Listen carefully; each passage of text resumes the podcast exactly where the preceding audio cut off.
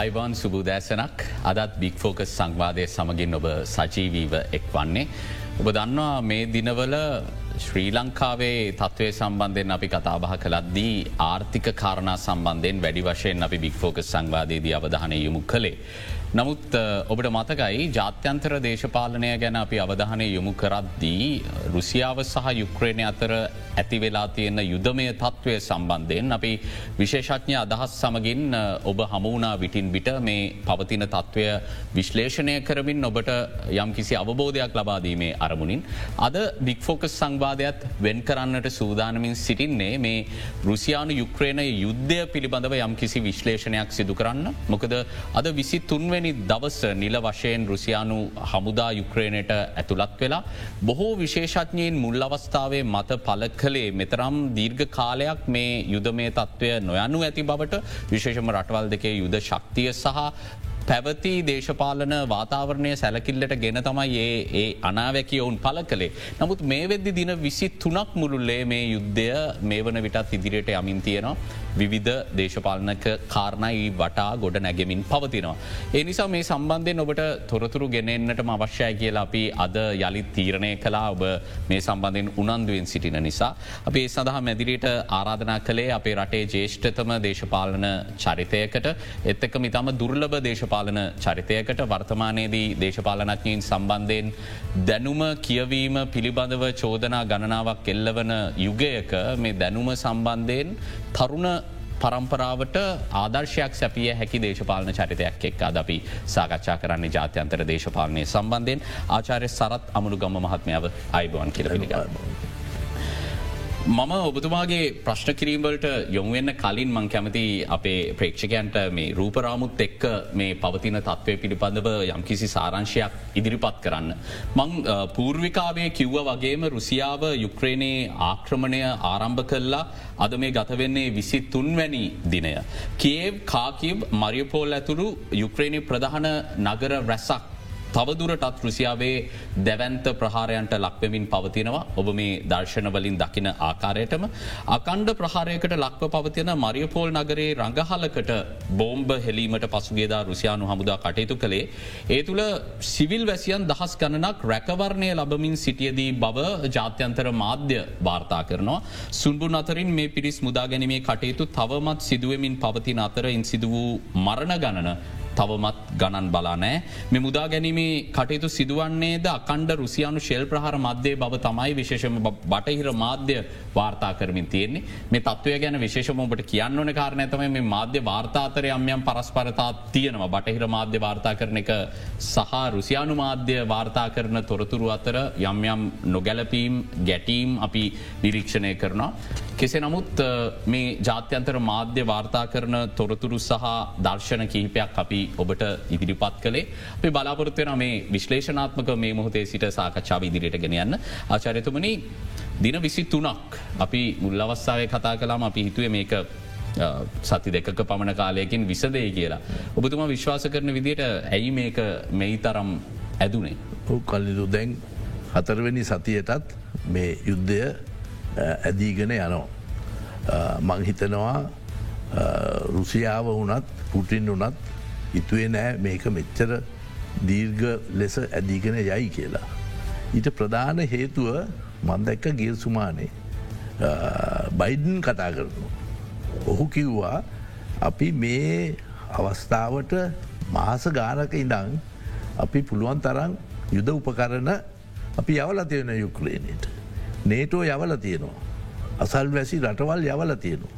එහින්දා අර සමහර විට මුලින් හිතපු විදිහේ දුර්වල යුක්‍රේණයානු යුද්ධ හමුදාවකට වඩා අලුත් උපකරණ ලැබිච්චි කණ්ඩායම. දැන් අපි දන්නවා මේ රුසියාවේ සුවිශේෂ යුද්ධ උපක්‍රමය තමයි ඒගොල්ලො ලොකු ටැංකි යුද ටැංකි මහා ගානක් ගිහිල්ලා නාගරික සටන්වල තමයි ගොල්ලු පුරදුර දැන් චේෂණයාවල මීට ඉසරත් ඔයවාගේ වෙංවෙච්චි කොටස් එක්ක සටන් කරලා තියෙනවා. දෙවැනි ලෝක යුද්ධය ගොලගේ සුප්‍රසිද්ධම ක්‍රමය තමයි ඒක මේ විශාල ප්‍රමාණයක් යුද්ධ ටැන්කි ගිහිල්ල නාගරික පරිසරයක ජයග්‍රහණය කිරීම. ඉති ඒකට උපක්‍රමිකව මගේ හිතේ මේ ගොලොත් ලැස්ත වෙලා ඉඳල තියෙන අපි දැක්ක රූපරාමු අර පාරවල් වල අගල් කපාගෙන ඒ බාධක හදාගෙන එන්ද සමහර විට මන හිතනවා අර දුර්වල යුක්‍රේණයානු හමුදාවක් නෙමෙයි තියෙන්නේ ඊට වඩා ලෑස්ති විච්චේ එකක්. දෙවෙනි කාරණාව තමයි උගක් දුරට මේ අපි යුක්‍රේණයාව බැලුවොත් ක්‍රීනේ කොටස් දෙකත් තියෙන එක කොටසක් හුගක් දුරට ඔය පෝලන්තය ඒවාගේ මොල්ඩේවියාව බුල්ගේරියාව ඒ බටහිර රටවල් සමස්ට ළඟයි. අනිත් පැත්තෙන් රුසියාවට ළඟයි ඩොන් බස් කලොන් බාස් කලාපේ. එතකොට දැන් ඒ ඩොන් බාස් කලාපෙන් ඉදිරියට යනකොට අරතරම්ම සංස්කෘතික සහ වෙනත් විදිිය පහසුකං තියෙන කලාපයක් නෙමෙයි. ඒගොල්ලන්ට අර බටහිත සම්බන්ධයෙන් යම් යම් වාසි එහෙමත් තිබිල තියෙන ඔය කියව ප්‍රදේශගත්තාම එහෙමයි. අනිත් කාරණාව මට මට හිතන හැටියට හොදන එක විශ්ලේෂණය කරන්නේ නැහැ. පියුටීන්ගේ අදහස මුළු යුක්‍රේණයමම අල්ලගන්න එක නෙමෙයි. ඔහු දැක්ේනවා දකුණේ ඒකන් මේ පැත්තෙන් තියෙනවා කළු මුහද බ්ලක්සිය එක. අනි පැත්තෙන් තියෙනවා සී of අසව් කියලා. ඒ මුහුදු දෙක තමයි ඇත්ත වසේ වෝම් වෝට පෝට්ස්. ඒක යන්නේ මේ ඉර්තුවෙන් වෙනස් වෙන්නේ අයිස් වැටෙන්නේ නැති ඉතාම වැදගත්. ඉතින් ඒ තීරු අල්ලන්න තමයි ඒගොල්ලගේ මූලික අභිප්‍රාය මට පේ නැතිද අපි දන්න දැම මරිපෝල් හොල්ට ලොකු සටනේ. ඒගාවට එතන ඉදම් ක්‍රමියාව දක්වා. කීසොන් කියනපල ඒගවට ඔඩෙසා. එතෝට ඒක තමයි මගේත ඒගොල්ලන්ගේ මූලික පරමාර්ථය වැඩියම ප්‍රහාර යන්නේ ඒ තීරුවට. කාකීම් නගරයට ඩොන්බස් කලාපෙට බොහම සමීපව පීටා තියෙනට කාකීම් වෙත මෙතරම් ප්‍රබල ප්‍රහාරයක් කෙල්ල වෙන්නේ කාකීවෝල්ට වඩා මගේ හිතේ මේ තොටුපොළවල් තියෙන තැන් තමයි වඩාත් මරි පොල්ලු තොට පොලත් තියෙන. ක්‍රීමියාව තොට පොලු තිය සැවස්ට පෝල් තියෙනවා. ඒවාගේම ඔඩෙසා. ඉති ඒ ඒ තීරුව මේව කර ගත්තොත් ග්‍රහණයට ගත්තොත් එක ලොකු ජයග්‍රහණයක් වෙනවා මොකද ඒ පලාතේ තමයි තියෙන්නේ මේ සබමැරීන් ජෂ්ටික ආයුධ තියෙන සබමැරීන්. එතකොට මෙතෙක්කල් යුක්‍රේණයන් සම්මැරීන් එහි තිබිල තියෙනවා. ඉති ඒ ඒ කලාපය අල්ලගත්තොත් රුසියාවට අර උතුරේ එහා මොනව වනත් මගේතේ මූලික ඔබ්ජෙක්ටිවස් කියල තියෙනවන යුද්ධක එකක් තමයි එයාගේ ප්‍රධාන වසයෙන් මේ දකුණු කලාපය කළු මෝදයි අසෝ් කියන මුහදයි ඒක සිකයෝ කරගන්න. ඒක කරගත්තොත් උචුරේණයාට දීර්ඝ කාලින ප්‍රශ්නයක් වෙනවායි. සාකච්ඡා කරන්න වෙනවා ඒක ගැන. ආචරිතුමනි දැන් මුල් අවස්ථාවේ රුසියානු ජනාධිපති පුටින් සඳහන් කරපු කාරණය තමයි අපි හමුදා ඉලක්ක තෝරාගෙන තමයි ප්‍රහාර එල්ල කරන්නේ කියල නමුත් දැන් ලැබෙන දර්ශන සහ තොරතුරු වල විදියට සනාත වෙනවා මේක හමුදා ඉලක්කවලට එහාගිහින් සිවිල් වැසියන් විශාල ගණනක් මිය යන තත්ත්වයකට මේ යුද්ධ උඩුදුවල තියෙනවා කියලා. මේ තත්ත්වය කොහොම බලපාවිද මේ යුද්ධය අනාගතයට මේ හරහා ජාත්‍යන්තර සෙසු රටවල්වල අවධානය.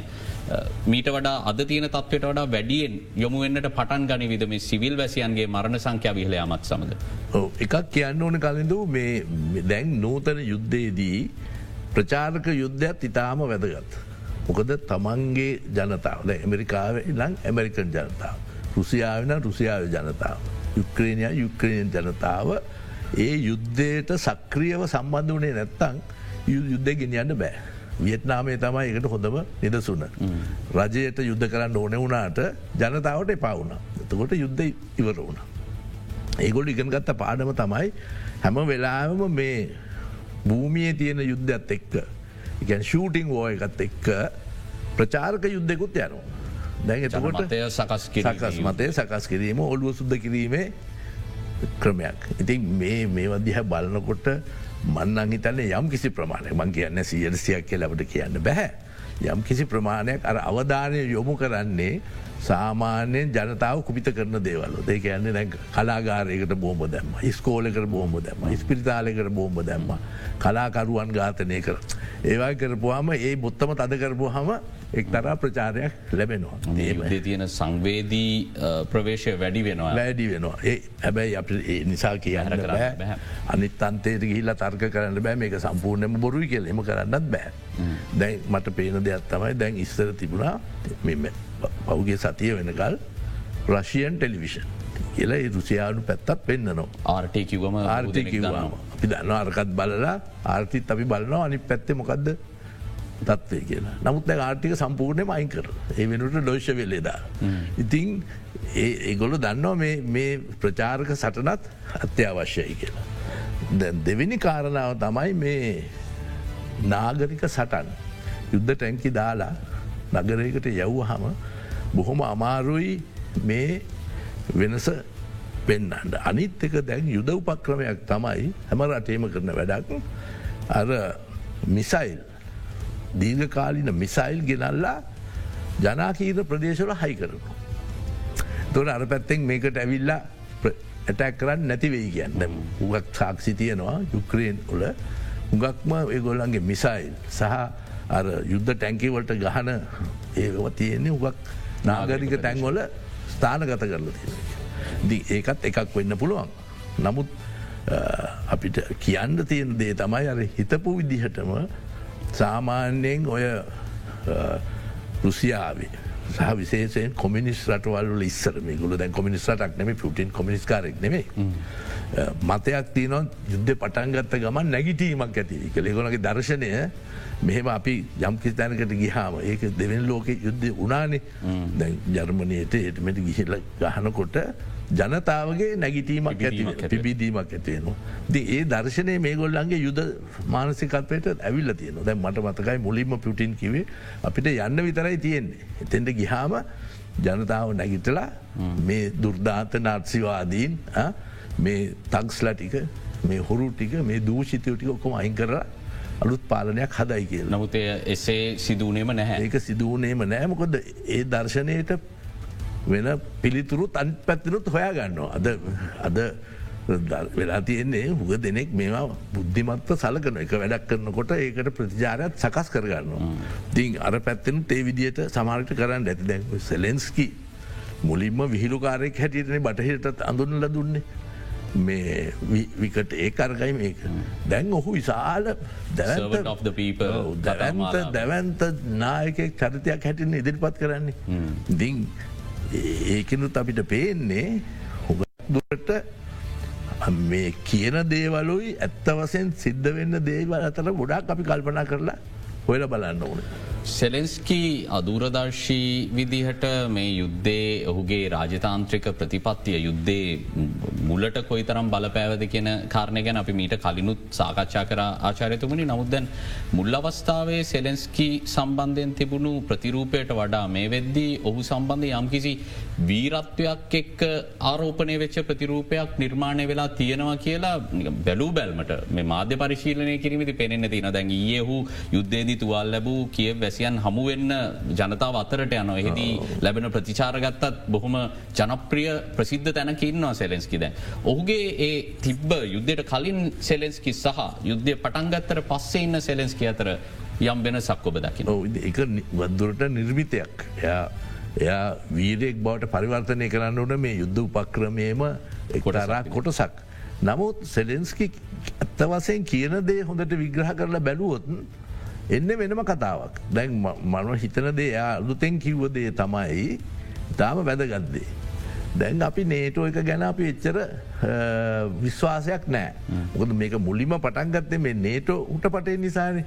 මෙගොල්ල නේටෝකට බැඳෙන්ට කතා කරපු හාම නේටෝ එකේ හතරවෙනි කොන්දේසි අනුව යුද උපකරන්න රුසියාවේ මායමටම ගෙනලා හයි කරන්න පුළුව ඉස්සර තුරකයේ හයි කරා එවගේ. ඉතිං මේ නේටුවකට බැඳෙන එක නවත්ත ගණ්ඩන මේක මුලින්ම කතා කරගත්තේ. දෙම මේ විවාද විවාද ඇති වුණේ. දැන් සෙලෙන්ස්ගේ අඩියක් පස්සට ඇරගෙන තියෙන එය කරුණු කීපයක් කිව්වා. එකක් කිව්වා මං මේ ගොල්ලන්ගේ ඉල්ලීමක් කර අපිවත් නේටව කරගන්න එකනෙකොත් කැමති වුණේ නෑ. මං ඉල්ලීමක් කරා මේ ගොල්ලන්ට එයා ස්පේස් එක.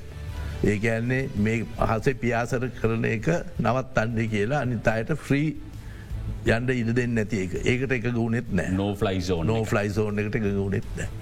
තුන්වෙනි එක බූට් සන්ද ග්‍රවන්් උගලන් යුද්ධ හමුදාගෙනත් දාන්නට කියලා කිව එක කරත් නෑ. යටින් මිතින් පෝලන්තෙන් ආරම උපකරණ යවල තියෙනවා. නමුත් අර බලාපොරොත්තු විදියට මැදිහත්වීමක් සිද්ධ වුණේ නැහැ.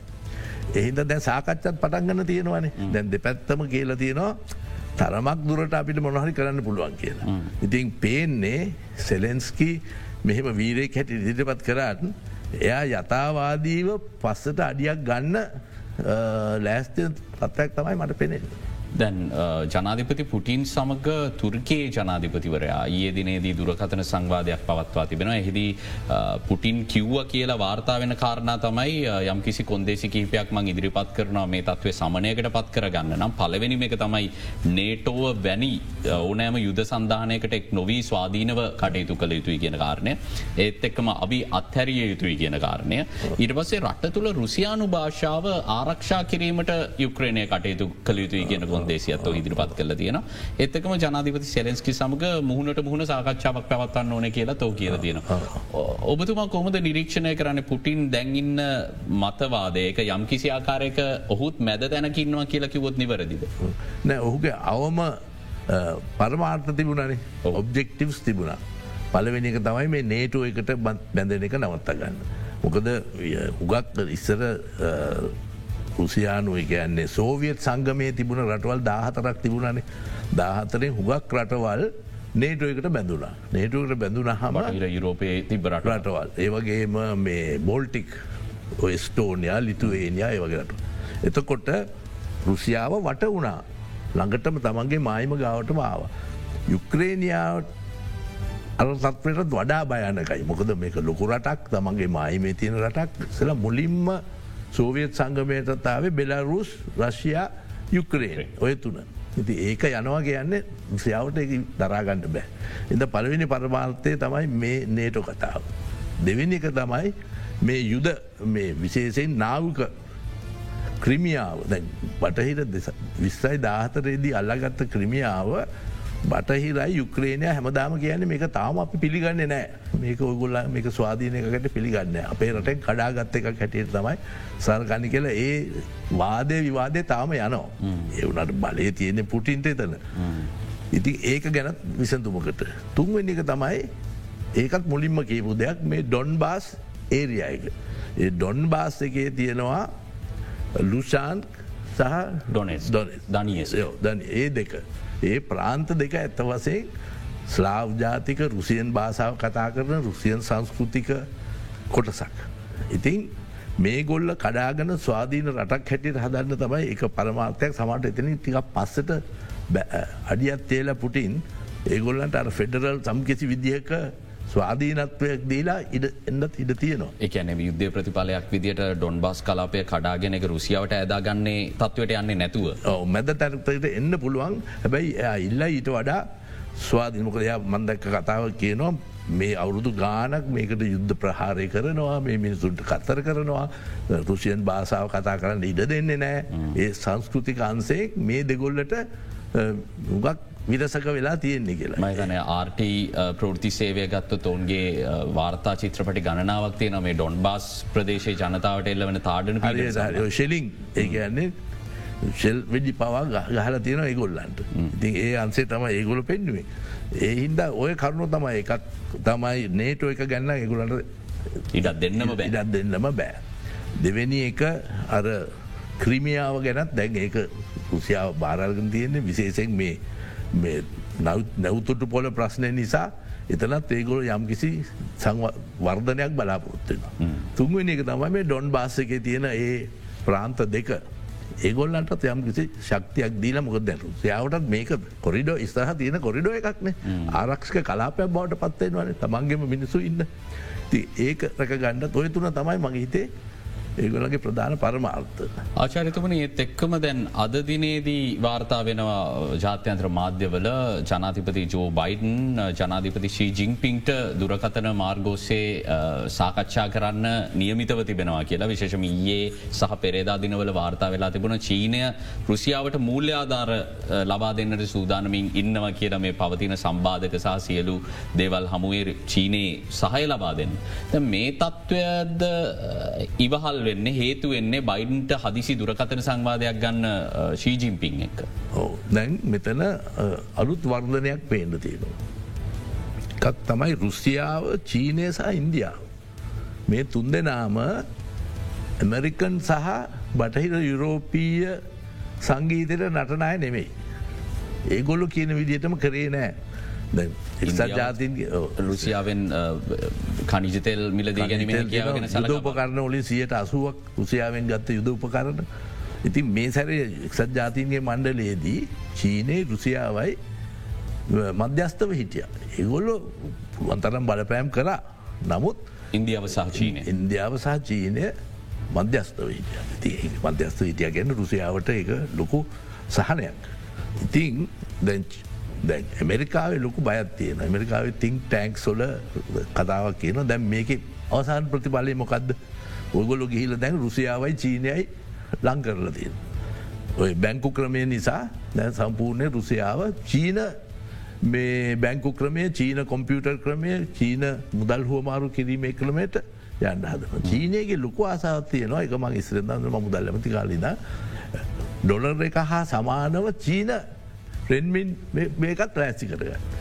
ජාත්‍යන්තර මුදල් වලට යොදාගන්න මුදල් ජාතියක් හැටියට මුදල් ක්‍රමයක් හැටියට. ඉගැන් ඩොලර එකයි රෙන්මින් එක මට්ටමට ගෙන් දැන් අපේ පෝට් සිටියකට වනත් එගුලගේ එක අදහසත් තියෙනවා මේක මේ චීන කරන්සි එකේ මධ්‍යස්ථානයක් බවට පත් කරන්න. ඒගොළඟ ලොකු පරමාර්ථයක් මේකෙන් දැම් වෙලා තියෙන්නේ රුසියන් කාරයොත් දැන් ඒ පිලට ඒ කඳවරුට සංවිධානයට එක්කාස් වෙල්ලතිය. දැන් අපි ඊයෙන් පෙරද දැක්ක රුසියා තියන්න කළ තියෙන ගොල්ලන්ගේ මුදල් ගණු දින ඔක්කොම මේ අර ස්විස්් ක්‍රමය අයින්කෙරුවට පස්සේ චීන ක්‍රමයට යන්න.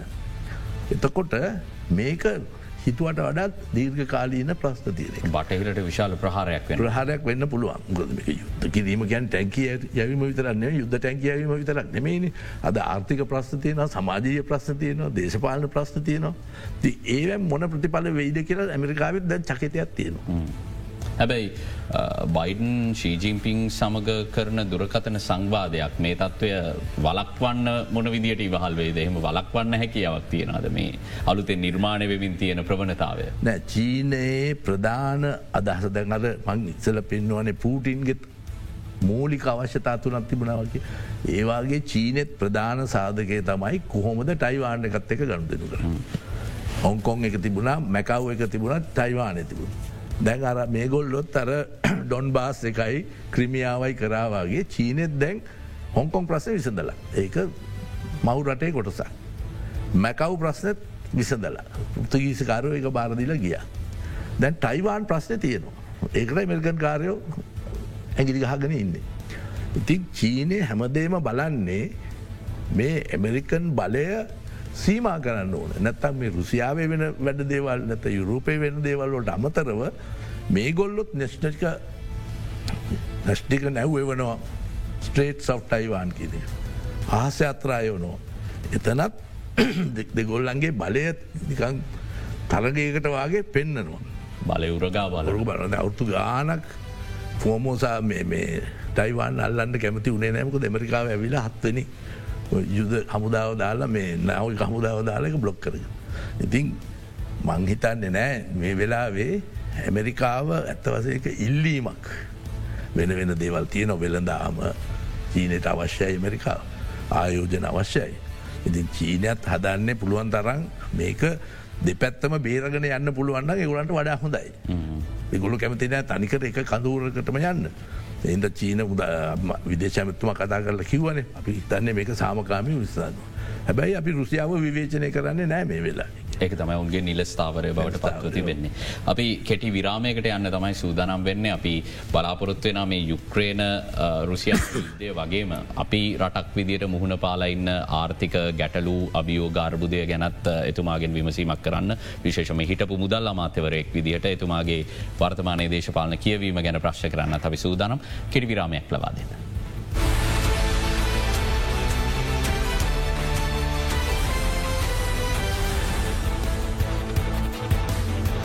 ඔබ යළිත් බික් ෆෝකස් සමඟ ආචාරය සරත් අමුණු ගම මහත්මයක් අපි සාකච්ඡා කරමින් සිරින්නේ. අපි විරාමයට පෙර මේ රුසියානු යුක්්‍රේණ අර්බුදය සම්බන්ධය යම් කිසි විශ්ලේෂනාත්මක අදහස් දැක්වීමක් ඔබට ගෙනෙන්න්නට කටයුතු කලා. මට ඉඩ දෙන්න ආචාරිතුමනි ලංකාව ගැන සහ ලංකාව මුහුණ දෙමින් තිබෙන මේ අර්බුදය ගැන ප්‍රශ්න කහිපයක් ඔබතුමාට යොමු කරන්න. දැන් අපේ රටේ ජනතාව ඉතාම අපහසුතාවකින් ඉන්න බව පැහැදිලි අපිට මේක පෙනෙන්නම තියෙනවා බාණ්ඩ හිගත් එක්ක පෝලිම් නිර්මාණය වෙලා තියෙනවා විදුලි කප්පාදුවක් සිදුවමින් තියෙනවා. විදේශ විනිමය අර්බුදය මේ කාරණා සියල්ලට ප්‍රධාන හේතුවක් විදිහට අපිට පෙන්වනවා. අනික් පැත්තෙන් ආණ්ඩුව කියන ප්‍රධානම කාරණයක් තමයි. මේ කොරෝනා වසංගත තත්ත්වය. සහ ඊට පෙර දෙගින් දිගටම අපි විදේශ විනිමය හසුරුවපු ආකාරය. මේ අර්බුදයට හේතුව ඒ ඇරෙන්න මේ අර්බුදය මේ ආණ්ඩුව නිර්මාණය කරපු අර්බුදයක් නෙමෙයි මේකට වග කියන්න ඕන තත්වයන් නෙමේ කියල්. ඔබතුමා මේ ප්‍රකාශයක් ආණ්ඩුවේ සියට සීයක් එකග වෙනවාද. නෑ මම සියයට සියක් එකඟ වෙන්න නෑ මොකද ඕනෑම සංකීර්ණ ආර්ථික ප්‍රශ්නයක් වගේ එක පැත්තිකින් ඉතිහාසේ කරුණු තියෙනවා අනිත් එක වර්තමානය කරුණු තියෙනවා. එක තනිකර මේකට අපට ඉතිහාසෙන් උරුම වෙච්චි දෙයක් නැත අතීතයෙන් උරුම වෙච්ච දෙයක් කියන්නත් බෑ. අනි පැත්තෙන් මේක තනිකර මේ මෑත කාලය සිද්ධ වෙච්චි දෙයක් කියන්නත් බෑ. මේ සාධක දෙක එකිනෙකට බැඳිල තියෙනවා. එකක් තමයි අනිවාරයෙන් මේ කොවිඩ් වසංගතය ලෝකයේ සම්පූර්ණ ආර්ථිකය උඩ ඇටිකරුවරල තියෙනවානේ. එක ලෝකෙටම සිද්ධ වෙච්චි දෙයක්. ඇත්ත වසේ අපි ආඩම්බර වෙන්න ඕනේ වෙන රටවල් දිහා බලපු හම දැ හුවක් අද චීනය ඉන්දියාව ඒ වගේ රටවල අදත් බටහිර යුරෝපේ මේක එදිනෙදා ජීවිතයට දැඩි ලෙස බලපාන දෙයක් නමුත් ලංකාව අපේ ඒක දුරට සමනය කරලා තියෙනවා නමුත් අර ජාත්‍යන්තර බලපෑම ඒකේ ජාත්‍යන්තර බලපෑම අපිට අපි කෙරෙහි ඒක වගවීමක් කරන්න සිද්ධ වෙනවා. එන්දා ඒක එක පැත්තක්. නමුත් අනිත් අතින් අපට කරන්න පුළුවන් දේවල් ගොඩකුත් තියෙනවාන. හැමවෙලා අතීතයට වැරදිකය ඉන්න බෑ අපේ අතිනුත් ගොඩක් පෞගේ අවුරු දෙකාමාර තුළ වැරදි සිද්ධ වෙලා තියන කියලා අපට කියන්න පුල ප්‍රතිපත්තිමය වසේ. මං කැමති ඔබතුමාගේ මේක උදාහරණ සහිතව පැහැදිලි කරගන්න. අපිට අන්තිම අවුරුදු දෙක ගත්තමකද වර්තමාන ආණ්ඩුවට විශාල බහුතරයක් හිමි වුණා. ජනතා විශ්වාස කරල තමයි රට මුහුණ දෙන අර්බුදවලට කළමනා කරණය කරගත හැකි ඇති හැකිවනු ඇති බවට. ජනතා විශ්වාසයට විශ්වාස කරන නායකත්වයක් තමයි පත් කරගත්තේ. එනිසා වඩාත් වැතකත් මේ අවුරුදු දෙක ගැන සාකච්ඡා කිරීම. අපි මොනවද නොකලේ අපිට මොකද මග හැරුණේ. මට කියන්න පුල අර්ථ ශාස්ත්‍ර පැත්තෙන් තමයි මම කියන්න දේශපාල පැත්තෙන්ටත් වඩා කරුණු කීපයක් අපිට වැරදුන සමහරට හොඳ අදහසකින් සද්භාවයෙන් ගත්ත තීරණ වැරදිලා තියෙනවා. පලවෙනි එක තමයි මේ වැට් මිලියන පන්සීයක් වාර්ෂිකව අහිමි කරගත්තා එක තනි ප්‍රතිපත්තිම තීරණයක්. ඒක ගොද ඊට ඉස්සර තිබුණා වැට් ක්‍රමයක් ඒක රජය මැදිහත් වෙලා ඒක අහුසි කර. ඒක ඒ කාලෙ කොවිඩ් එනවද නැද්දාරෝමයෝ දන්නේ නෑ සත්භාවයෙන් ගත්ත තීරණයක් වෙන්න පුළුවන් නමුත් ඒක දැන් කැරකිල වැටිල තියෙන්නේ ඒක ලොකු ප්‍රශ්නයක් බවට පරිවර්තන අවුරුන් දෙකක් ඇතුළත. ට්‍රිලියනයක් බාණ්ඩාගාරයට එන මුදල් ප්‍රමාණය අහිමි වුණා ඒක ප්‍රතිපත්තිමය අපි තුරුම්පුවක් ගැහුව තුරුම්පුව වැරදුනා. දෙවිනික මගේ අදහස තම මේ කෘෂිකර්මය පිළිබඳ ප්‍රශ්නය. මොකද තාම හොඳ දෙයක් කවුරුත් නෑ කියන්නේ නෑ නමුත් ඒක අවුරුද් දෙකින් දෙකෙන් කරන්න පුළුවන් වැඩක් නෙමෙයි. ඒක ඇත්ත වසයෙන් දීර්ඝ කාලීන වැඩක් මගේ හිතේනං ඒක ලොකු ප්‍රශ්නයක් මොකද ලංකාව ඇත්වසෙන් අපි ඉතාම සාර්ථකව වී නිෂ්පාදනය කරපු රටක්. අපිත් ඉස්සට ඉතිය රජය සේවක හැටියට ඔය මේ ග්‍රීන් රෙවලූෂන් කියල පටන් ගත්ත කාලේ ඉසරලා ලඩ්ලිසෙන්න්නයක මහත්තය කොබ්බ කඩුව මහත්තයා ෆිලික්ස් ඩයිස්ම දෙපාර්ශයම මහවැලි ව්‍යාපාරය ලංකාව ආදර්ශමත් වී නිෂ්පාදන රටක් බවට තිබුණ එක සම්පූර්ණයෙන් ඒක ඒ වැඩ සැලස්ම අහෝසි වුණා දෙක. තුන්වෙනි එක තමයි ආයෝජන. බලන්න කොයි තරම් අපරාධයක්ද මේ අවුරු දෙක හමාර තුළ ආයෝජන කීපයක් කොච්චර අවද මේ රටට ඊස්ටර්මිනල් එකට සල්ලි දාන්නාව. හොදේ ඉති පස විදුලි නිෂ්පාදනය සඳහා ව්‍යාපෘතිවලට සල්ලිදාන්නාව. වෙන වෙන සෙලන්ඩිවයකේ සල්ලිදාන්. හුගා කරටවල් වලින් මේ ආයෝජනය දැන් චීනය දියුණුනේ කොහොමද. ඇමරිකන් ආයෝජනය නිසා ඇමරිකන් කාරයන්ගේ සල්ලියලින් තමයි චීනය දියුණුවනේ. චීනය මිනිසුන්ගේ ශ්‍රමය තිබුණා කොමිනිස් පක්ෂේ දර්ශනය ඒවක්කොම තිබුණා නමුත් මුදල් ගෙනාවේ ඇමරිකාවේ මුදල් ගෙනාවේ බටහිරේ. ඉතිං මේ විදේශී ආයෝජනය කිරීම රටේ ඉඩං විකුණනවාද අර්ක විකුණවාද රට විකුණද ඒ බොරු කතානේ. ඔබ ඔබතුමා නිරීක්ෂණය කරන්නේ නැද දැ වත්මන් පාලන කණ්ඩායම වත්මන් ආණ්ඩුව බලයට පත්වීමට පෙර ඉතාම සුවිශේෂී සටන් පාටයක් විදිහට මේ ජාතික සම්පත් විජාතීකරණය කිරීමට විරුද්ධයි කියන සටන් පාටය අපි බලයට පත් වූ පසුව කිසිදු රාජ්‍ය සම්පතක් වෙනත් රටකට පැවරීමට හෝ වැඩි පාලිත බලයක් ලබා දෙන්නේ නැහැ කියන සටන් පාටය ක්‍රියාත්මක කරා. එයම ආපස්සට බූමරංගයක් වෙලා ආව කියලා මම යෝජනකුන් ඒක ඒක මගේ අදහස ඇටරන ඉතාම තක තීරු මෝඩ මේ රට නැති කරන්න ආපු අදහසක්ද. මොකද මේ රටේ ස්වතන්ත්‍රව අපිට හදන්ඩ බෑ මේ දේශී ආර්ථිකය කියන එක පිස්සු කතාවක්. කවදාවත් කරන්න පුළුවන් මගුලක් නෙමෙයි ඒක. විදේශ විශාල මුදල් යට කරන්න ඕන අපේ තියෙන දේශීය සම්පත් අපේ මිනිසුන්ගේ තියෙන හැකියාවන් ඉදිරියට ගන්න. චීනය කොහොමද කරේ වියට්නාමය කොහොමද වියට්නාමයට කලින්දු දෙවැනි ලෝක යුද්ධේ දාපු බෝම්භ ප්‍රමාණයට වැඩිය මේ පුංචි වියට්නාමයට බෝම්බ දැම්ම ඇමරිකන් කාරය. ඒත් අද ඇමරිකන් ආයෝජනයෙන් තමයි වියට්නාමේ කර්මාන්ත දියුණු වෙන්නේ. අද ඉන්දියාවේ ආයෝජනය කවුද කරන්නේ? චීනය ආයෝජනය කරන කවුද.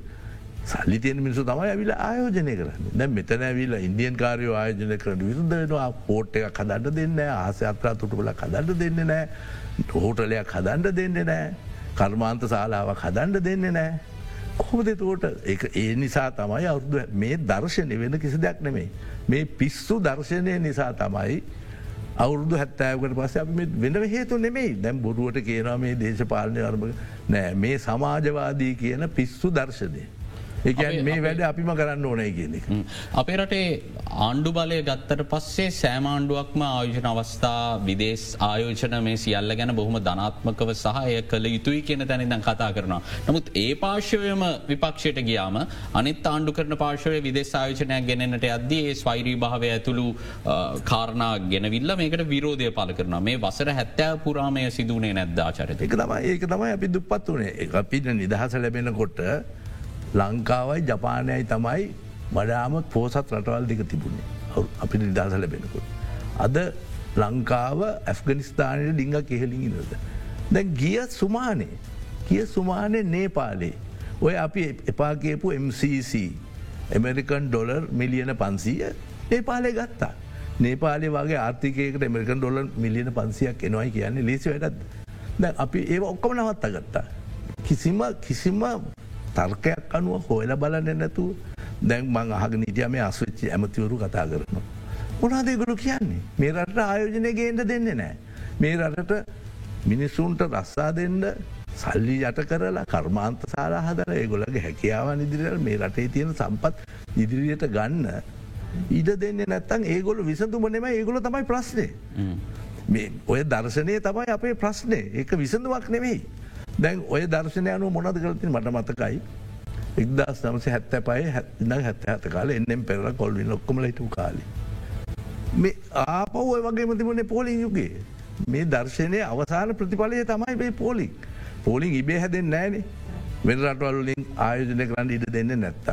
අපේ තොටු පොළවල් අපේ රටේ තියෙන සම්පත් තව පදිමේට ගණ්ඩ ආයෝජන කරන්න දෙන්න නැත පෝලිංගොට යන්න ඕනේ. මැතිනිය යටතේ එන්නම් කොල්ලිල්ලා යටත අන්තිමවුරු දෙකේ පෝලිං. ජයාත් ජයවන්නට හම්බුණා පහෙන් හතරක් චන්ද සීයට ඒගැන්නේ කොටස් පහෙන් හතරක් පාර්ලිමේන්තුව චන්ද. මේ වගේම දැන් පෝලිින් හදාගෙන ඉන්නවා. ඇයි ඒ පෝලිං හැදෙන්නේ ඔය දර්ශනය නිසා.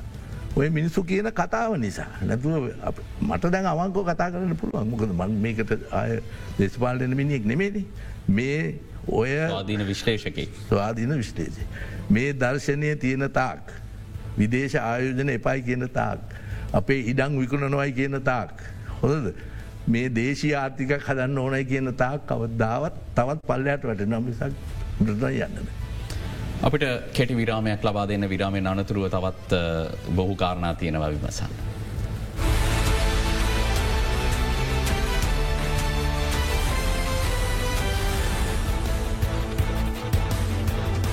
අපි ආචාරය සරත් අමනුගම මහත්මයා සමගින් සාකච්ඡා කරමින් සිටින අපි මුලින් යුක්්‍රේන රුසිය අර්බුදය ගැන කතා කර දැන් රටේ වර්තමාන ආර්ථික තත්වය ගැන සාකච්ඡා කරමින් සිටිනවා.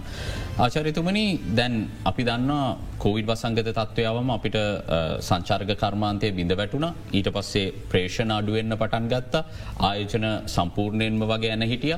අර අපිට හැමදාම තිබුණු වෙළඳ ශේෂය හිගේ තවදුරටත් වැඩිවෙමින් හිගේ විශාල වෙනවා කියන කාරණය බොහොම සරල කාරණයක් වුණා. එතවට මේකට පිළිතුරු හොයන්න ආණ්ඩුව දිගින් දිගටම කිවේ මහ බැංකුව කිවේ අපි දේශය යන්ත්‍රණයක් අපි ළඟ තියෙනවා. අපි මේ නය සේවා කරනයක් කරගෙන කොහමර මේක ඉදිරිට යනවා කියලා. අනිත් ඇත්තෙන් ආර්ථික විශේෂඥයෙන් දිගින් දිගටම කියපු කාරණයක් තමයි IMF යා යුතුමයි නැත්තං අපි ඉදිරියේදී අද මුහුණ දෙන තත්වයට මුහුණ දෙන සිදුවේ කියලා. අපි ඒ වෙලාවේ ආණ්ඩුව ගත්ත තීරණය හරිද බැරදිද. නෑ ඇත්ත වසෙන් මේක ඉතාම පහසු නිගමනයක්. උතුමා කිවවගේ කලින්දූ අර අපේ ඉස්සර තිබුණ ආදායම් මාර්ග තිබුණන. අපේ සංචාරක ව්‍යාපාරයෙන් බිලියන හතහදශම් පහක් ආවනට බිලියන් පහක් අපේ ටාගට්ටික තිබුණන. පහ හය හත යන්න. ඒ වගේම ඒ ප්‍රේෂණ වැඩි වුණානන්. ඒවගේම අපේ සම්ප්‍රදායක අපනයන ඔලින් මුදල් ආවනං පිට ලොකු ප්‍රශ්නයක් නැතුවේ නය ගෙවන්න තිබුණ. මේ අය ගත්ත එකම මංහිතන්න ප්‍රශ්නය වුණයි කියලා. මුදන අපිට ඕන අපිගේම සාමාන්‍ය මනුස්සේ කියමකෝ. එමිනිියට ඇරගෙන යාගේ පඩියෙන් අවුරුදු පත් ගෙවන්න පුළුවන්න ප්‍රශ්නයක් සාරභාව තියෙනවන තියෙනවන. මෙතන විධ හේතුන් එකක් අපිම කරගත්ත වැරදි. අලිත්තේවා අපිට කරගන්න හසුරුවගන්න බැරි හේතු. ඒ දෙකම නිසා අපිට ඒ ඉලක්කවොල්ට යන්න බැරිවුණ. එතැදි මේ ප්‍රශ්නය ඇති වුණේ ඒ ඉලක්කවොල්ට යන්න බැරිවුණ හම ඒක යථවාදී විදිහට අපි විග්‍රහ කරන්නේ නැතුව වෙන වෙන ප්‍රශ්නවලට යන්න සිද්ධ වුණ. ද එහෙම තාවකාලිකවොමකද අපේ අපේ අනාගතය නැවතත් අපිට සංචාතක ව්‍යාපාරය වැඩිකරගන්න පුළුවන්නේ. ඉස්රට වඩා දැන් අපේ මිනිසු පිටට ගිල්ල සල්ලි අනාගත ඒවයිනේ.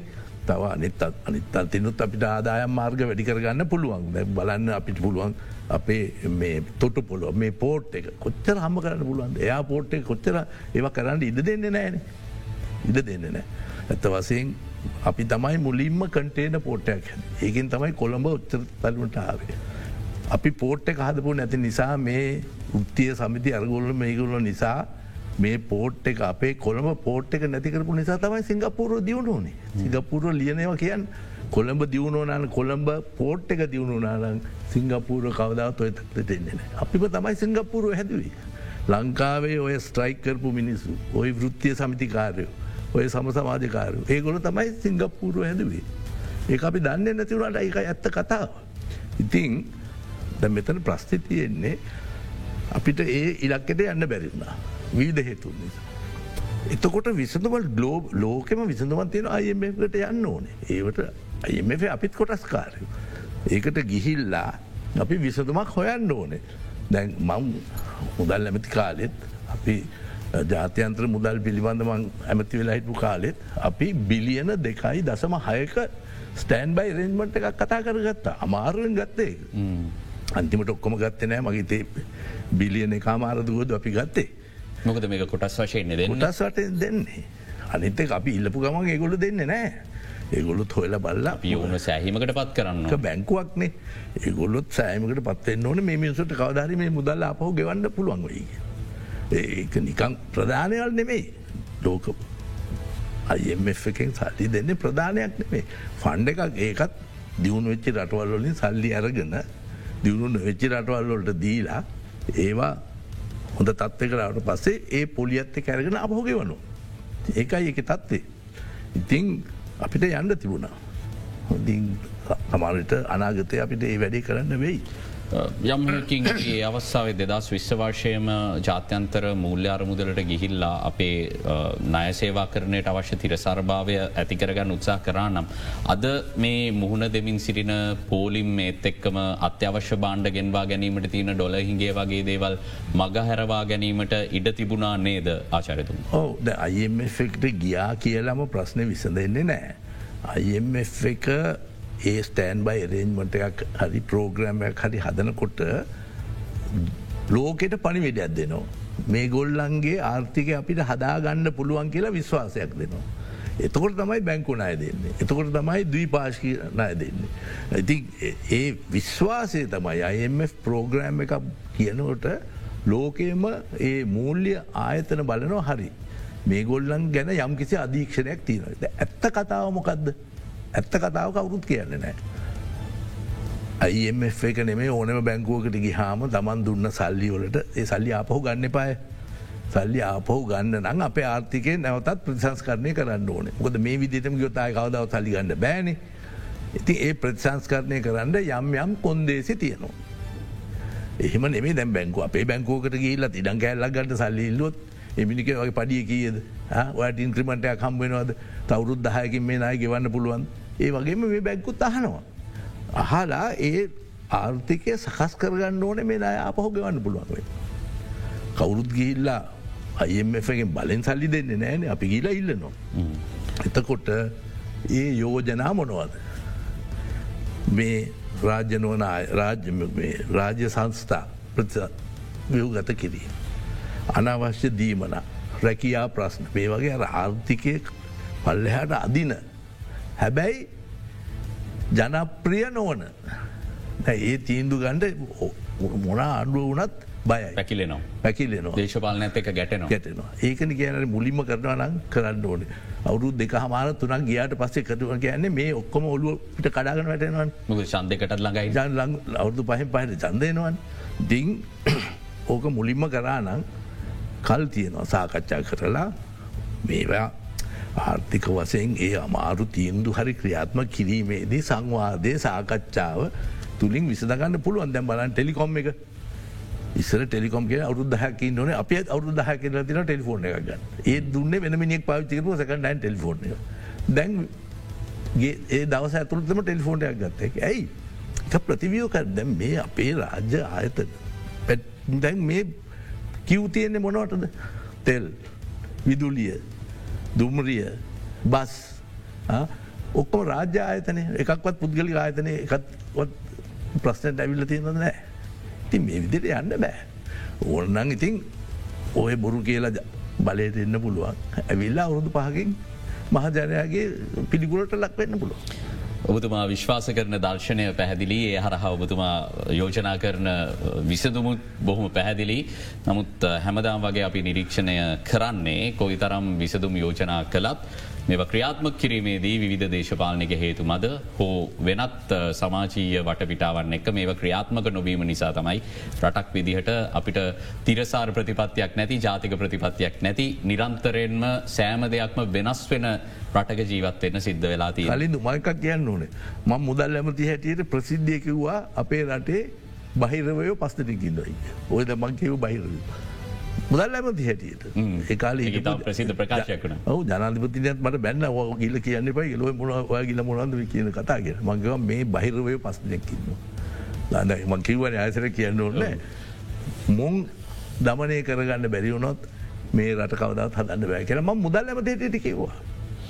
ඔබතුමාට බෙහිවින්ම සූතියන්තයන අද අප ආරාධනාව පිළිගත්තාට විශෂෙන්ම එතුමාට ආරාධනා කිරීමේ ප්‍රධාන අරමුණ බවට පත්වනේ එතුමාගේ ජාත්‍යන්තර දේශපාලනය සම්බන්ධයෙන් තියන අධ්‍යනය හරහා අපිට යම්කිසි අවබෝධයක් ඔබට යම්කිසි අවබෝධයක් ලබා ගැනීම මේ යුක්්‍රේණය සහ රුසියාව අතර ඇති වෙලා තියෙන යුද්ධ මේ වාතාවරණය සම්බන්ධයෙන්. ඉන් අනතුරු අපි මේ වෙද්දී දේශපාලනය නිවත් වෙලා ඉන්න ස්වාධීන විශ්ලේෂකයෙක් විදියට ආර්ථිකය ගැන විමසන්නට කටයුතු කරේ. බෙවින්ම සූතියන්තයන මේ අදහස් වෙනුවෙන් ඔබතුමාට අදට අපි බික්‍ෆෝකස් සංවාධයෙන් සමුගෙන යන්නට සූදානම සිරින්නේ එටත් අපි හමුවම සුපුරුදු වෙලාවට සුපතිනය.